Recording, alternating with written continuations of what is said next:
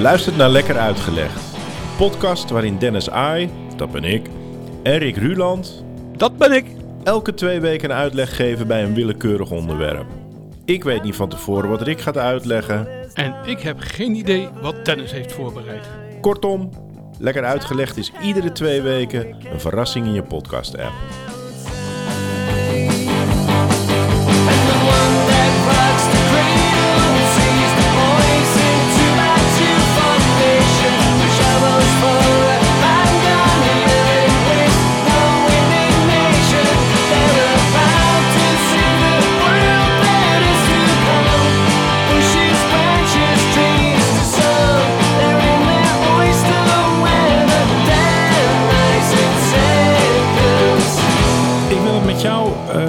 Eerste instantie even hebben over de heer John Montague. John Montague. Ik ken een eh, filosoof. Was het een wiskundige? Nee, nee, dat is niet deze. Oh, oké. Ik, zeg- zijn titel zeg ik er nog even niet bij, want dan verklap ik meteen eh, eh, het hele onderwerp. Oké. Maar dat komt, eh, komt snel. Eh, hij leefde van 1718 tot 1792 en de meeste geschiedenisboeken die hebben het eh, over zijn politieke carrière. Het was namelijk een heel invloedrijk politicus. Hij was daarnaast ook militair. Hij was eh, baas van de post in Groot-Brittannië, van de zeemacht. Hij was de First Lord of the Admiralty in Engeland. Dat is de hoogste positie als het gaat om de oorlog en de vaart. Staatssecretaris is hij geweest van Engeland. Kortom, hij bewoog zich in absoluut de hoogste kringen van het Britse parlement. Daarnaast zouden we hem in Nederland kunnen kennen, want hij is ook ambassadeur geweest van Nederland. Of van Engeland, maar in Nederland. Typisch zo'n. eh, hij was graaf, zo'n zo'n adelfiguur. Hè? Hij eh, ging naar school in Eton, Cambridge. De, toen hij zijn studie afgemaakt had, ging hij als iemand uit de hogere klasse op reis. Hè? De Grand Tour noemden ze dat in die tijd. Prachtige boeken die als reisverhalen eh, zijn geschreven uit die tijd, eh, die nu nog steeds lezens, lezenswaardig zijn. Nou, die Grand Tour heeft deze Montague ook gedaan. Hij ging door continentaal Europa en natuurlijk eh, destijds naar het machtige Turkije, naar het, de oudheid, de bakermat van de beschaving, Egypte, Griekenland. Ging hij allemaal naartoe. Toen hij dat achter de rug ha- had, was hij 26. En toen werd voor hem de rode loper uitgelegd om zijn politieke carrière te starten. Nou, en ik heb net al een beetje wat titels genoemd, wat, wat werkzaamheden. Zijn ster race heel snel. Maar je proeft misschien al aan mijn intro dat dat niet helemaal de reden is dat wij deze graaf bespreken. Ik denk dat je nu al klaar was geweest als je dat had. Ja, ja, ja. Want waarom nou dan toch die aandacht voor deze graaf? Nou, niet omdat hij namens Groot-Brittannië eh, de vredesbesprekingen deed. Die zouden leiden tot de vrede van Aken. Belangrijk moment waarin Frankrijk en Engeland weer eens voor een aantal jaren eh, de vrede tekenden. Ehm, de Fransen trokken zich uit de Republiek der Zeven Verenigde Nederlanden eh, terug. Allemaal stond hij aan die tafel en vergaderde mee en maakte dat mogelijk. Nee, daar gaan we het niet over hebben. Ook niet omdat hij mogelijk een hele belangrijke rol heeft gespeeld in de Nederlandse Revolutie van 1747, waarna Willem IV van Oranje de eerste erfstadhouder van de hele republiek werd. Hè, belangrijk moment in de geschiedenis. Daarvoor was die stadhouderloze periode. Gaan we het ook niet voor hebben. Hè? Die rol, daar kunnen we eh, de boeken op naslaan. Niet belangrijk. Niet interessant. Ja, wel interessant, maar niet voor deze podcast. Ook wel belangrijk, trouwens. Ja, ja. maar, Het meest interessante aan deze graaf is dat hij de naamgever is geworden van iets onmisbaars in nagenoeg alle samenlevingen ter wereld. In jouw huishouden, in mijn huishouden, in onze leefwereld, het komt er allemaal in voor. Montague. Ja. Nou, niet die naam Montague. Oh, ik ben al helemaal door mijn huis aan het gaan van wat de hel. Ja, nee, maar als ik zijn titel, ik ga zijn titel noemen en dan is het meteen duidelijk. Want deze John Montague was namelijk de vierde graaf van Sandwich. Ik dacht al, ik, Shit, ik had het moeten zeggen. Ja, toen je begon met, met Vierde Graaf. En toen dacht van, de sandwich. Ja, god, heb ik laatst nog wat over gelezen inderdaad. Maar jij gaat mij waarschijnlijk hele interessant... Nou ja, het, het, het grappige was dat je bij eh, eh, de vorige aflevering van eh, Lekker Uitgelegd... begon je je verhaal namelijk met... ja, ik, dit verhaal wordt een soort van een sandwich. En, en, en toen had ik dit eh, onderwerp al in mijn hoofd. En toen dacht ik van ja, je beschrijft nu eigenlijk precies... wat wij als Nederlanders verstaan onder wat een sandwich is. Nou, dat komt straks aan bod. Ja. Maar toen eh, eh, moest ik even lachen. Je hebt het misschien gezien. Een beetje misplaatst lachen moet het vast hebben uitgezien. Maar nu kan ik eindelijk vertellen waarom dat was. We gaan het over de sandwich hebben, Rick. Ja, misschien ben ik dan ook wel... ja, ik wil niet zeggen dat ik vooruitzie. Ik bedoel... Ja, ja dat, je bent toch... Maar misschien omdat ik natuurlijk al dat, dat onderwerp in mijn hoofd had... en jij keek naar mij... Ja. dat ergens telepathisch Ja. dat woord sandwich in jouw mond gelegd werd. Ja. ik sluit het niet uit. Daar gaan we naartoe hoor. Ik sluit het niet uit. Ja. Nog even en wij worden een eh, complot podcast. Nee, laat maar. Laat maar. We houden erbij. eh, wat jouw leuke onderwerp van vandaag? De sandwich. Oh, nou ja, over hem ook. ja, de graaf van Sandwich die heeft eh, de sandwich eh, zijn naam of haar naam gegeven. En heeft hem eh, nou, voor een deel ook wel populair gemaakt in de 18e eeuw in Engeland. Daar hebben we het over natuurlijk. En hoe komt dat nou? Nou, Lord Sandwich, eh, tuurlijk heb ik in mijn introductie aangegeven. Politiek eh, had hij, eh, was het een, een, een inktvis. Hij deed van alles, was druk, had veel verantwoordelijkheid, veel macht. En zo'n man moet zo nu en dan ook stoom afblazen. Die moet ergens een ontspanning vinden. En eh, bij eh, Lord Sandwich was dat gokken. Hij was een vervent gokker. En het liefste zat hij eh, aan de kaarttafel, aan de speeltafel. En dat deed hij soms dagen achtereen. En je moet je voorstellen dat hij dan niet echt de tijd nam om eens goed te lunchen. Niet echt de tijd nam om eens goed te dineren. Nee, alles. Hij bleef kaarten, hij bleef zitten. Eh, Ergens gaf hij zich vol voor dat gokspel. Maar hij moest natuurlijk wel eten. En eh, in plaats van, dat goede, van die goede lunch of dat eh, heerlijke copieuze diner, eh, liet hij een bediende een paar plakken vlees brengen. Die moest hij tussen twee boterhammen doen, tussen twee sneden brood drukken. En die werden hem eh, aangereikt. En zo kon hij dus eten op een manier waarop zijn vingers niet vet werden van het vlees, waardoor hij zijn kaarten vast kon blijven houden. En eigenlijk ongestoord kon doorspelen. Ja. Dat was eh, eh, de reden waarom hij eigenlijk met dat idee van die twee sneden brood met daartussen eh, het vette vlees. En als dan die speelkameraden, want hij zat er natuurlijk niet in zijn eentje aan die tafel, als die dan ook trek kregen, dan bestelden ze the same a sandwich. En dan kregen ze ook eh, twee boterhammen met een stuk vle- vlees er terug. En volgens de overlevering is dat eh, hoe wij aan onze hedendaagse sandwich, en in ieder geval de naam daarvan, eh, zijn gekomen. Daar is de sandwich geboren aan die speeltafel. En als klap op de vuurpijl, volgens de Wall Street Journal was dat Britain's biggest contribution to gastronomy.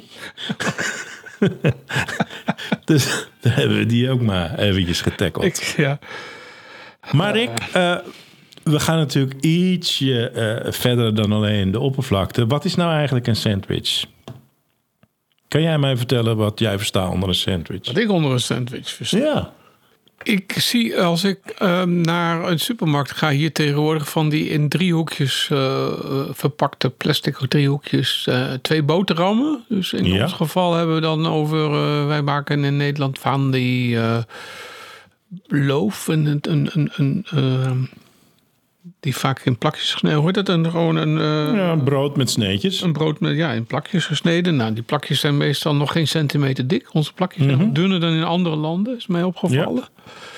En eh, je neemt een plakje, je gooit daar het een en ander op. Vaak, ik doe daar vaak niet alleen kaas. Ik ben niet een boterliefhebber. Maar ik doe daar wel Beetje kaas. mayonaise misschien. Nou, ja, kaas en mayonaise gaat bij mij slecht samen om de een of andere manier. Maar kaas eh, met wat eh, komkommer en sla, een gekookt eitje. Ik ben wel weer een fan van de honing eh mosterdsaus, gek genoeg. Kijk eens aan. Eh, tomaatje, sla, komkommer, misschien augurkje. Mm, ja, lekker. Dus het is een beetje een stapelbroodje. En aan de andere Ja. kant eh, van, eh, van, deze, van deze vulling komt ook weer een plakje brood. Even Ja. zacht aanduwen en eh, ik zou zeggen open de mond. En voilà, we eten een sandwich. Precies. Nou, ja, helemaal goed. Ik kan daar eh, niks aan toevoegen of niks aan afbreken. Ehm, dat komt, jij beschrijft hem precies zoals hij, zeg maar, in het Nederlands op dat pakje wat jij net zei, hè, die voorverpakte eh, dingetjes bij zo'n pompstation. Daar staat dan ook op eh, sandwich ei bijvoorbeeld, of Ja. eh, sandwich kaas. Zoiets. Ja. spek en ei vind ik trouwens ook Ja. lekker. En sandwich, en daar komt de trigger van de vorige aflevering, is eigenlijk in ons taalgebruik ook een soort synoniem voor iets ergens tussen. Hè, Je zit ergens tussen in de sandwich. Jouw verhaal eh, werd een beetje eh eh, daartussendoor had je de, de, de beide weetjes en, daartussen, en de broodjes waren twee, een introductie en een outroductie, zeg maar. Ja. En die beide weetjes die zaten als een soort sandwich in het verhaal. Dat was de vulling. Zei je letterlijk Kaas. volgens mij zoiets. Ja, precies. Nou, en zo, zo, zo kennen wij het begrip sandwich, op, op, zowel taaltechnisch als, als het broodje zelf. Nou, om maar eens even een, eh, eh, eh, in de voet... die definitie is geen gesneden koek. Wel gesneden brood, maar geen gesneden koek. Geen gesneden koek. Want het is nog niet heel erg lang geleden dat in Amerika een enorm felle discussie ontstond over wat nou precies de definitie van een sandwich was.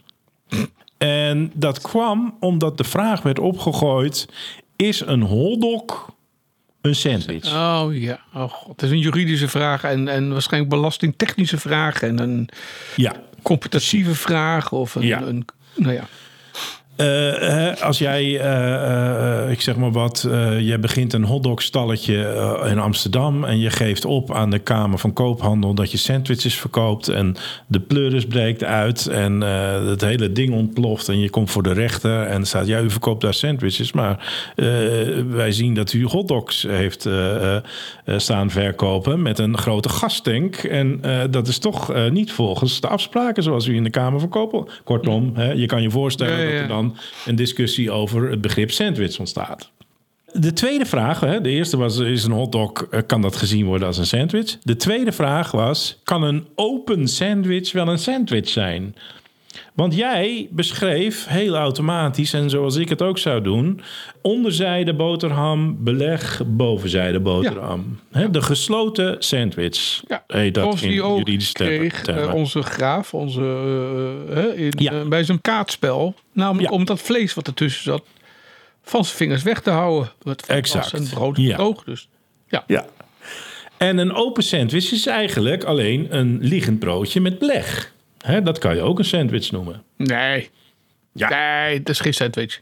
Oké, maar dat was dus ook de discussie. Kan je een open sandwich een sandwich noemen? Maar door het een open sandwich te noemen, noem je het dan niet automatisch een sandwich? Maar goed, dat is dan weer een eh, gedachtegang die, die het allemaal weer moeilijk maakt.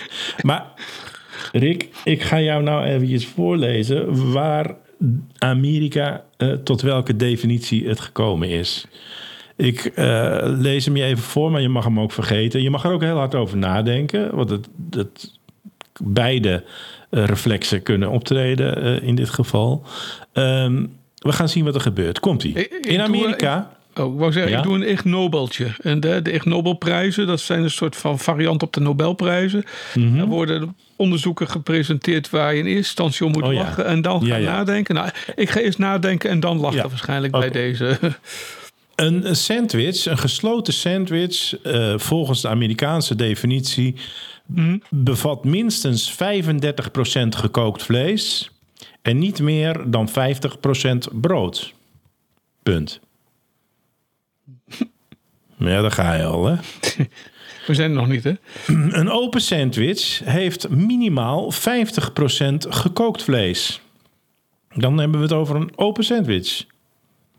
Nou, Ik kan hier helemaal niks mee. Nog een keer de cijfers. De 50 cent bij een open vlees en bij een Minimaal gesloten? 50% gekookt vlees, dan eh, is het een open sandwich. Daar moet dan minimaal 50% gekookt vlees op zitten. En die andere? En een gesloten sandwich moet minstens 35% gekookt vlees en niet meer dan 50% brood bevatten.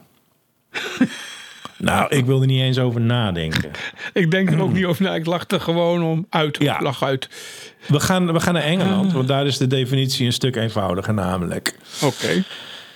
Want de Engelse, volkje naar mijn hart, die zegt over de sandwich het volgende. En ze hebben daar ook echt een British Sandwich Association. Hè? Ja. Dus denk nou niet dat ik hier eh, Nee, nee, nee. een Ja, paar vrijwilligers en een hobbyist eh, aan het citeren ben. Nee, nee. Serieus. Doe het serieus. De definitie. Elke vorm van brood waar je iets in stopt. In principe koud. Daar kan ik wel iets mee. Ja. Die komt ook wel weer dichter bij onze definitie Ja. van wat een sandwich is. Eh, oh, stop er iets in. In principe koud. Dus dan kan het ook nog warm of lauw zijn. Maakt eigenlijk geen fuck uit. dus gewoon brood, stop er iets in en je hebt een sandwich. Dat zegt de British Sandwich Association. Ik heb daar wel twee opmerkingen bij, als ik zo eerlijk mag zijn. Nou, vertel. Een broodje onder en één boven. En daartussen Mhm. jam is voor mij geen sandwich. Ja, maar dat eh, Maar het voldoet wel aan de definitie. definitie wel. En je, Tweede, tosti. tosti. Dat heet tosti en niet sandwich. Nee, dat klopt. Maar in principe voldoet die ook. Ja, maar daar hebben ze dan misschien toch de bijzin in principe koud In principe koud. Ja, Dan kunnen we die tosti namelijk vakkundig aan de kant schuiven. ja. En zeggen van nee, die valt niet in de definitie. In principe koud, tosti is in principe warm. Toch? Mee eens? Vooruit. Ik ga het niet verder moeilijk maken, maar... Een eh, afgekoelde tosti is een sandwich. sandwich. Nee, het, het is natuurlijk, maar het is, eh, je kan daar natuurlijk wel een heleboel kanten mee op. En dat gaan we ook, want die definitie van de Britten, die maakt bijvoorbeeld een wrap of een bagel ook tot een sandwich. Iets waar je misschien nog nooit over nagedacht hebt. Maar met deze definitie kan je dat ook rustig een sandwich noemen. Een broodje hamburger, wat optisch natuurlijk prima een sandwich lijkt, is geen sandwich volgens de definitie, omdat die natuurlijk warm geserveerd wordt. Dan, dus we gaan wel op het koud element zitten dan. Hè? Dus twee boven brood, onder brood en iets kouds ertussen. Ja, ja. In principe, Niet warms. in principe koud. In principe, ja. nou goed, eh, ik zet er een streep onder. Kortom, wat wel of niet een sandwich is, is niet glashelder. Nee. Toch? Nee. Nee. Nou ja, en dat is ook eh, uit de geschiedenis wel een beetje te halen. Ik wil je even meenemen naar een ver verleden. Want Lord Sandwich heeft dan de naam wel aan de sandwich gegeven, maar hè, het, de definitie van de sandwich, die, hè, daaruit kan je opmaken dat de sandwich natuurlijk wel al eerder genuttigd werd. Eh, bijvoorbeeld kunnen wij naar het Rijk der Hittieten. Dat is eh, pakweg 1000 voor Christus. Dan vinden wij al verslagen van soldaten. Dat zijn misschien wel de vroegste eh, verslagen, geschreven eh, verslagen van soldaten die gesneden brood krijgen met vlees ertussenin. Dus zoals. Klinkt ook zo heel triviaal eigenlijk als je erover nadenkt. Maar hoeveel dingen kun je met brood en vlees doen? Nou, ja, ik, ik zou niet zo snel vlees onder doen en brood boven. Dat is Nee. het enige. nee, Maar- ja je, kan het, je kan het samen drukken en in je mond stoppen, waardoor je zeg maar je duim of je twee vingers, net aan welke kant het vlees zit, vet Ja. worden. Ja. Maar al heel snel kan je natuurlijk zeggen van... oh, ik heb hier een broodje. Ik heb een stukje vlees wat niet helemaal over het broodje past... Mhm. maar halverwege het broodje komt. ja. Ik denk dat je dan al heel van nature geneigd bent... om het broodje vervolgens dubbel te klappen. Dan hebben we geen sandwich... maar dan hebben we wel het effect van twee... Een Droge. boven en- ja. ja, een boven en niets ertussen. Ik moet zeggen, ik zeg van eh, vlees onder en dat je met de duim vasthoudt, neem ik aan. Een broodje. Ik ben toch beter met mijn vingers het vlees vasthouden, denk ik. Ja, Ook ik, meer, eh, ik ook. ja, gewoon even een, Ja, maar erover goed, na te denken. Ik heb heb je twee mij- vieze vingers in plaats van één vieze duim. ja. Ja, maar ja, goed, dat is, dat is een keuze. Toch moet gewassen, handen moeten toch gewassen worden. Dus, Ja, dat is wel zo. Nou goed, die Hittiten hebben we dus al een vroege Ja. vorm van die sandwich eh, in de verslagen kunnen lezen. Misschien nog wel ouder is een Joodse traditie. Eh, maar dan moeten we naar het platbrood. Kijk, wij hebben natuurlijk een, een bepaald beeld van de sandwich met ons eh tarwebroodje, zeg maar. eh, of ons volkorenbroodje waar, waar het beleg tussen zit. Maar je hebt natuurlijk vele culturen in ehm, Afrika, Azië, noem maar op, die gebruik maken van andere soorten brood. Platbrood, naan, roti, eh, pita, vlammenkoegen, noem het op. Ja, ja. En daar, eh, en zeker in die oude Joodse traditie, is het al, eh, was het al gebruikelijk om met dat brood eten naar binnen te scheppen, bijvoorbeeld. Hè? Ja. Ik maak nu een beweging van één hand als kommetje en dan één hand met brood en je, je schuift het eten naar binnen. En wat ook heel makkelijk is en heel veel gedaan wordt, en dat zal je ook overal zien waar het gegeten wordt. En dat doe je misschien zelf ook als je iets met naan, bijvoorbeeld bij de Indiase eh, restaurant of met roti eet. Dat je, eh, eh, je neemt zo'n platbrood, je stopt er iets in, je vouwt het dubbel of je drukt het dubbel en je gaat het opeten. Dus eigenlijk ga je het dan alweer sandwichificeren. Dat heb ik zelf net verzonnen, dat woord. Heel mooi. eh. Je maakt er een soort sandwich van. Nou, dat is in principe volgens de Britse definitie is dat ook eh, brood met iets ertussen. Toch? Ja, denk het. Ja. En als het dan koud is, dan is het in principe koud. Als je het gewoon eh, laat staan na het avondeten. En je hebt s'avonds om een uur eh, je hebt, eh, wat biertjes achter de kies. En denk van, ik heb nog eens in een hapje, drink, eh, hapje eten. Eh, daar ligt nog wel een broodje met wat vlees. Of, Stel nou, want ik ga even door op jouw eh, eh, fantasie die je nou net eh prijsgeeft. Stel nou, we hebben een flinke eh, nacht erop zitten. Je wordt 's morgens wakker. En daar midden tussen de drankflessen staat nog een, een doos pizza met, met twee driehoekjes pizza over. Je legt die twee driehoekjes op elkaar. Ze zijn in principe koud. Je eet ze op. Dan eet je toch ook een sandwich. Ik heb daar moeite mee, want Ja, dat snap ik wel. Ik ben je aan het provoceren.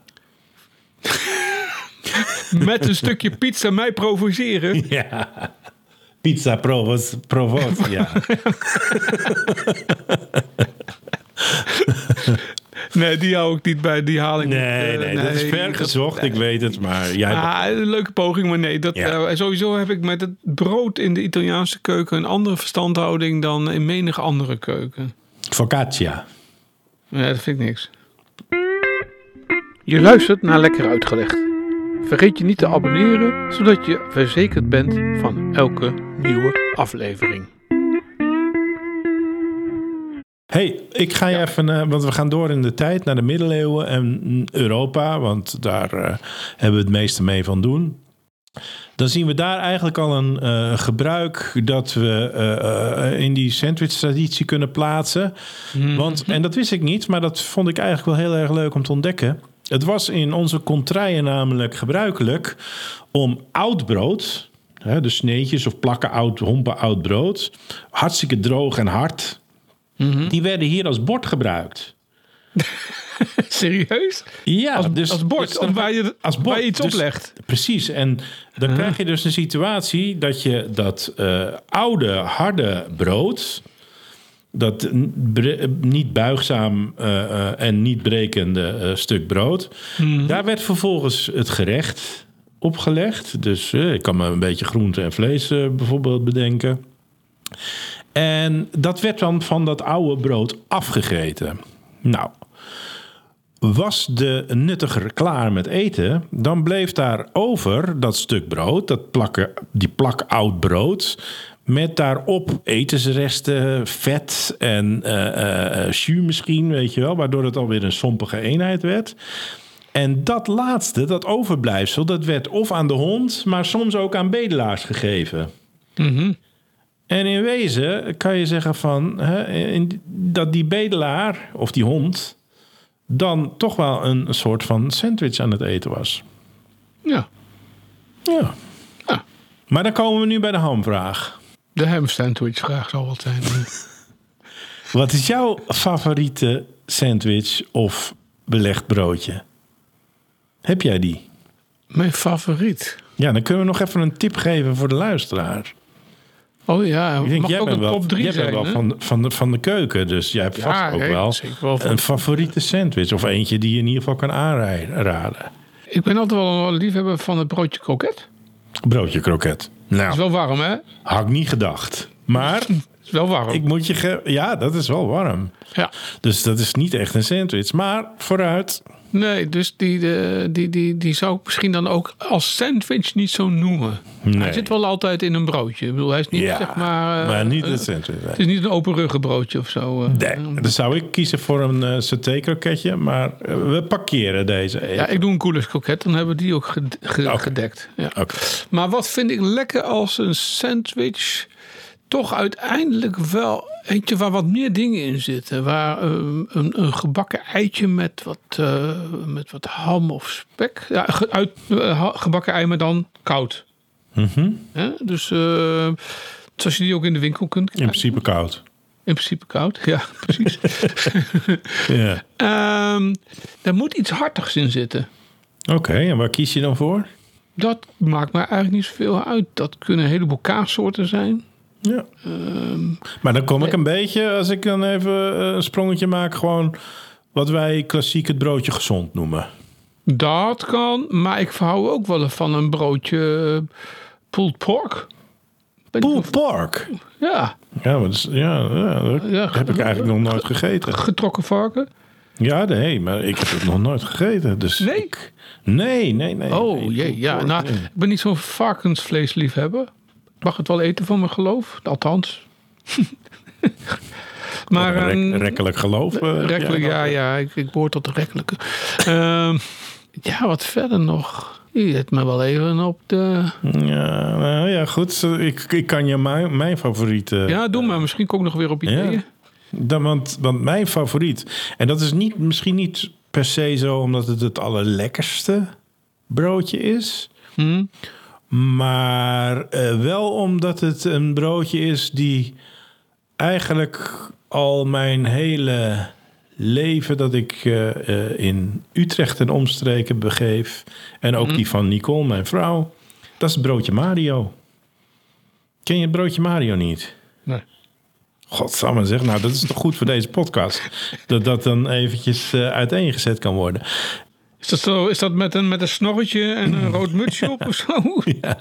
Nee, de luisteraars die uit de omgeving Utrecht komen, die kennen hem allemaal. Broodje Mario. Nee.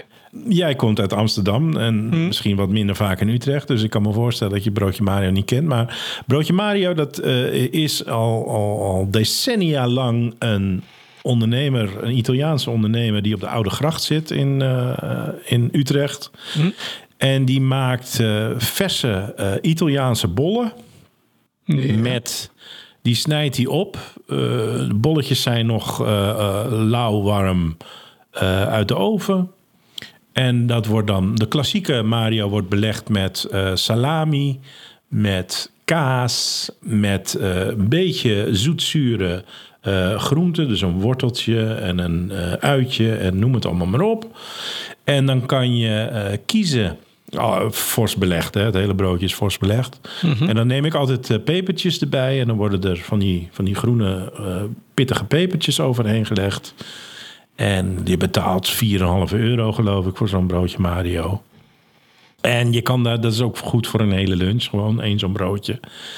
En die eet je dan heerlijk zittend ergens op een bankje of op een muurtje aan de Oude Gracht, eet je die op.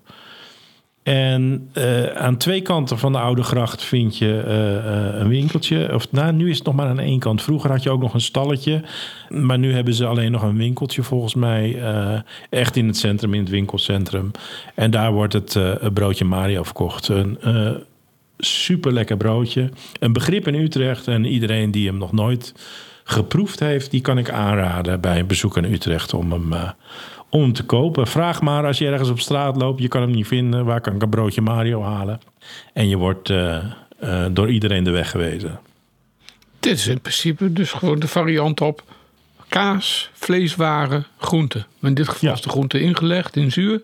Ja, Overigens iets wat ik ook graag doe. Eh, Ja. Eigen zuur, ingemaakte zuur gebruiken of zo. Ik kwam trouwens door wat jij begon over een typisch broodje uit Utrecht nog wel op twee broodjes. Maar die zijn allebei niet van Nederlandse oorsprong.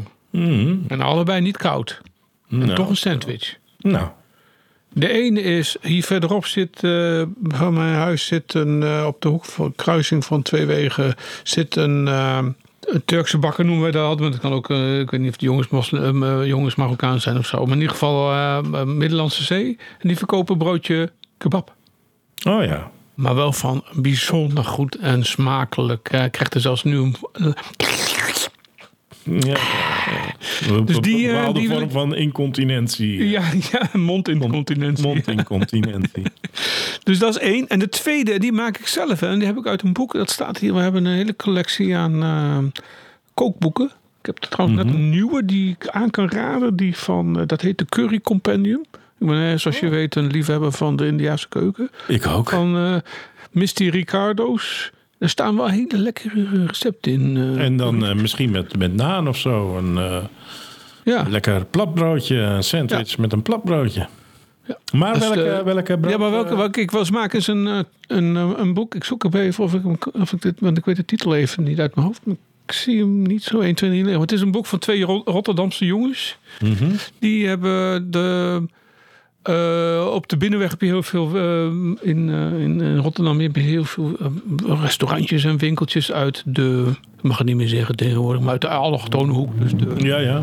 de, de, van Hindoestaans tot Surinaams tot Indonesisch tot Culturele diver- diversiteit. Ja, absoluut, ja. Ehm, en een daarvan, in dat boek staat één broodje wat ik heel lekker vind. En dat is een soort kip curry. Oh ja. Je neemt kleine stukjes. En er komt een soort van jus ook moet je ermee maken. Die, die baseer je op de curry met komijn, uitje, knoflookje. En dat doe je in een broodje. Ja, lekker. Erg Nou, lekker. Ja, dan hebben we, hebben we toch eh, eh, bij sommigen misschien eh, de trek in de bek gekregen. misschien wel, ja. Nou, dat komt goed uit, want we zitten alweer eh over het halve uur. Dus ik ga jou, ik ga het verhaal rondmaken met een, met een kleine trivia. En dan kom ik toch wel weer terug op John Montague. Want ik zou hem toch wel een beetje tekort doen als we alleen zijn, zijn naam of zijn titel eh, hier in ere brengen. De sandwich. Ehm, daar kunnen we niet alles op, aan, aan ophangen. Ehm, ik heb nog een feitje waaruit blijkt dat zijn macht en invloed veel verder reikt dan een paar boterhammen. En ik weet zeker dat die jou ook interesseert. Want hij was namelijk, eh Montague was eh, First Lord of the Admiralty. Dus hij was de, de, de, de, de, hij zwaaide de scepter in de zeevaart, eh, de Britse zeevaart. En in zijn periode eh, was er iemand die zich had opgegeven voor de Royal Navy. En dat was niet meer, niemand minder dan James Cook. Aha. De ontdekkingsreiziger. eh. Juist, Ja, precies. ja, ja. Maar hij heeft zijn, eh, zijn hele eh, nautische opleiding eigenlijk genoten bij de Royal Navy. En onder toezicht van deze John Montague. Oké. En ze hadden eh, ontzettende bewondering voor elkaar. En zoveel dat James Cook, die ging na zijn periode bij de Royal Navy, ging hij twee hele grote expedities eh, doen, reizen. En op die reizen heeft hij ontzettend veel land in kaart gebracht. Hij werd cartograaf en, en eigenlijk avonturier. En hij eh, eh, kwam daarbij ontzettend veel eh, nog onontgonnen ontgonnen, gebied tegen. En hij heeft bijvoorbeeld de Sandwich-eilanden naar John Montague vernoemd. Dat is het huidige Hawaii. Die Oké. noemde hij de Sandwich-eilanden. Hij heeft nog een eh, eiland South Sandwich-eiland genoemd. Ik geloof dat die ergens in de Pacific, eh, ik weet niet waar die precies zit. Maar, en hij heeft twee eh, eilanden dezelfde naam gegeven, namelijk Montague Island. Dus ook weer in ere van zijn baas of vriend, of hoe je het wil noemen. Eentje van, daarvan ligt in Australië en eentje bij de Golf van Alaska. En last but not least, en dat geeft aan eh, hoe eh, eh, gek die twee op elkaar waren, die Cook en die Montague. Want James Cook heeft namelijk ook nog een eiland vernoemd naar het landhuis van de Montagues. En dat landhuis dat heette Hinchinbrook. En er is ergens op deze aardbol, ergens Noordoost-Australië, daar vind je een eiland dat heet Hinchinbrook Island. Ook vernoemd dus, eh, of in ere genoemd naar eh, John Montague en zijn Oké. afkomst. Geinig hè? Ja. Maar voor ons zal de, de sandwich eh, voor altijd anders smaken met deze kennis. Ik weet niet of jij nog meer hebt. Nee. Mag ik hem afsluiten deze keer? Ja, notabene jouw, notabene jouw podcast als het ware. Jouw voorbereide podcast. Ja, nee. net zo goed Eh, jou. Een jaar of vijf geleden, voor eh, we alle shit van de corona en dergelijke kregen, toen Mhm. reisden wij eh, naar, eh, voor de brexit, reisden wij naar Engeland. Mhm. Met het gezin, met de eigen auto. Dat vond ik sowieso leuk om met je eigen auto in Engeland te rijden. Dat, had ik nog nooit gedaan. Dus. Maar we hebben daar ook veel gewandeld. En wij zaten in eerste instantie aan de kust, zuidwestkust van, van Engeland, hè, Kent. Ja. Eh, heet kent het wel. U kent het, ja precies. En toen zijn wij, en je zult misschien lachen, maar toen zijn wij in het plaatsje Sandwich geweest. Oh, het is plaatsje sandwich. Ja, waar, hij, sandwich. waar hij de graaf van eh Misschien is hij daar de graaf van geweest, maar ik zal je nog, Ja. ik zal je nog erger vertellen.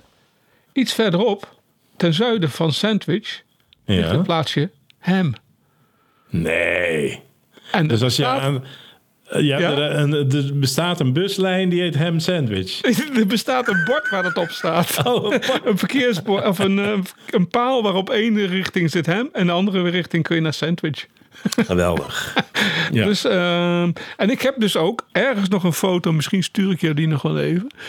Ik heb ergens een eh, foto waarop ik met een, eh, een broodje in de hand, een ham midden in sandwich. Sandwich, Ah, zit te eten. Samen Nou. met, mijn, eh, met mijn zoon.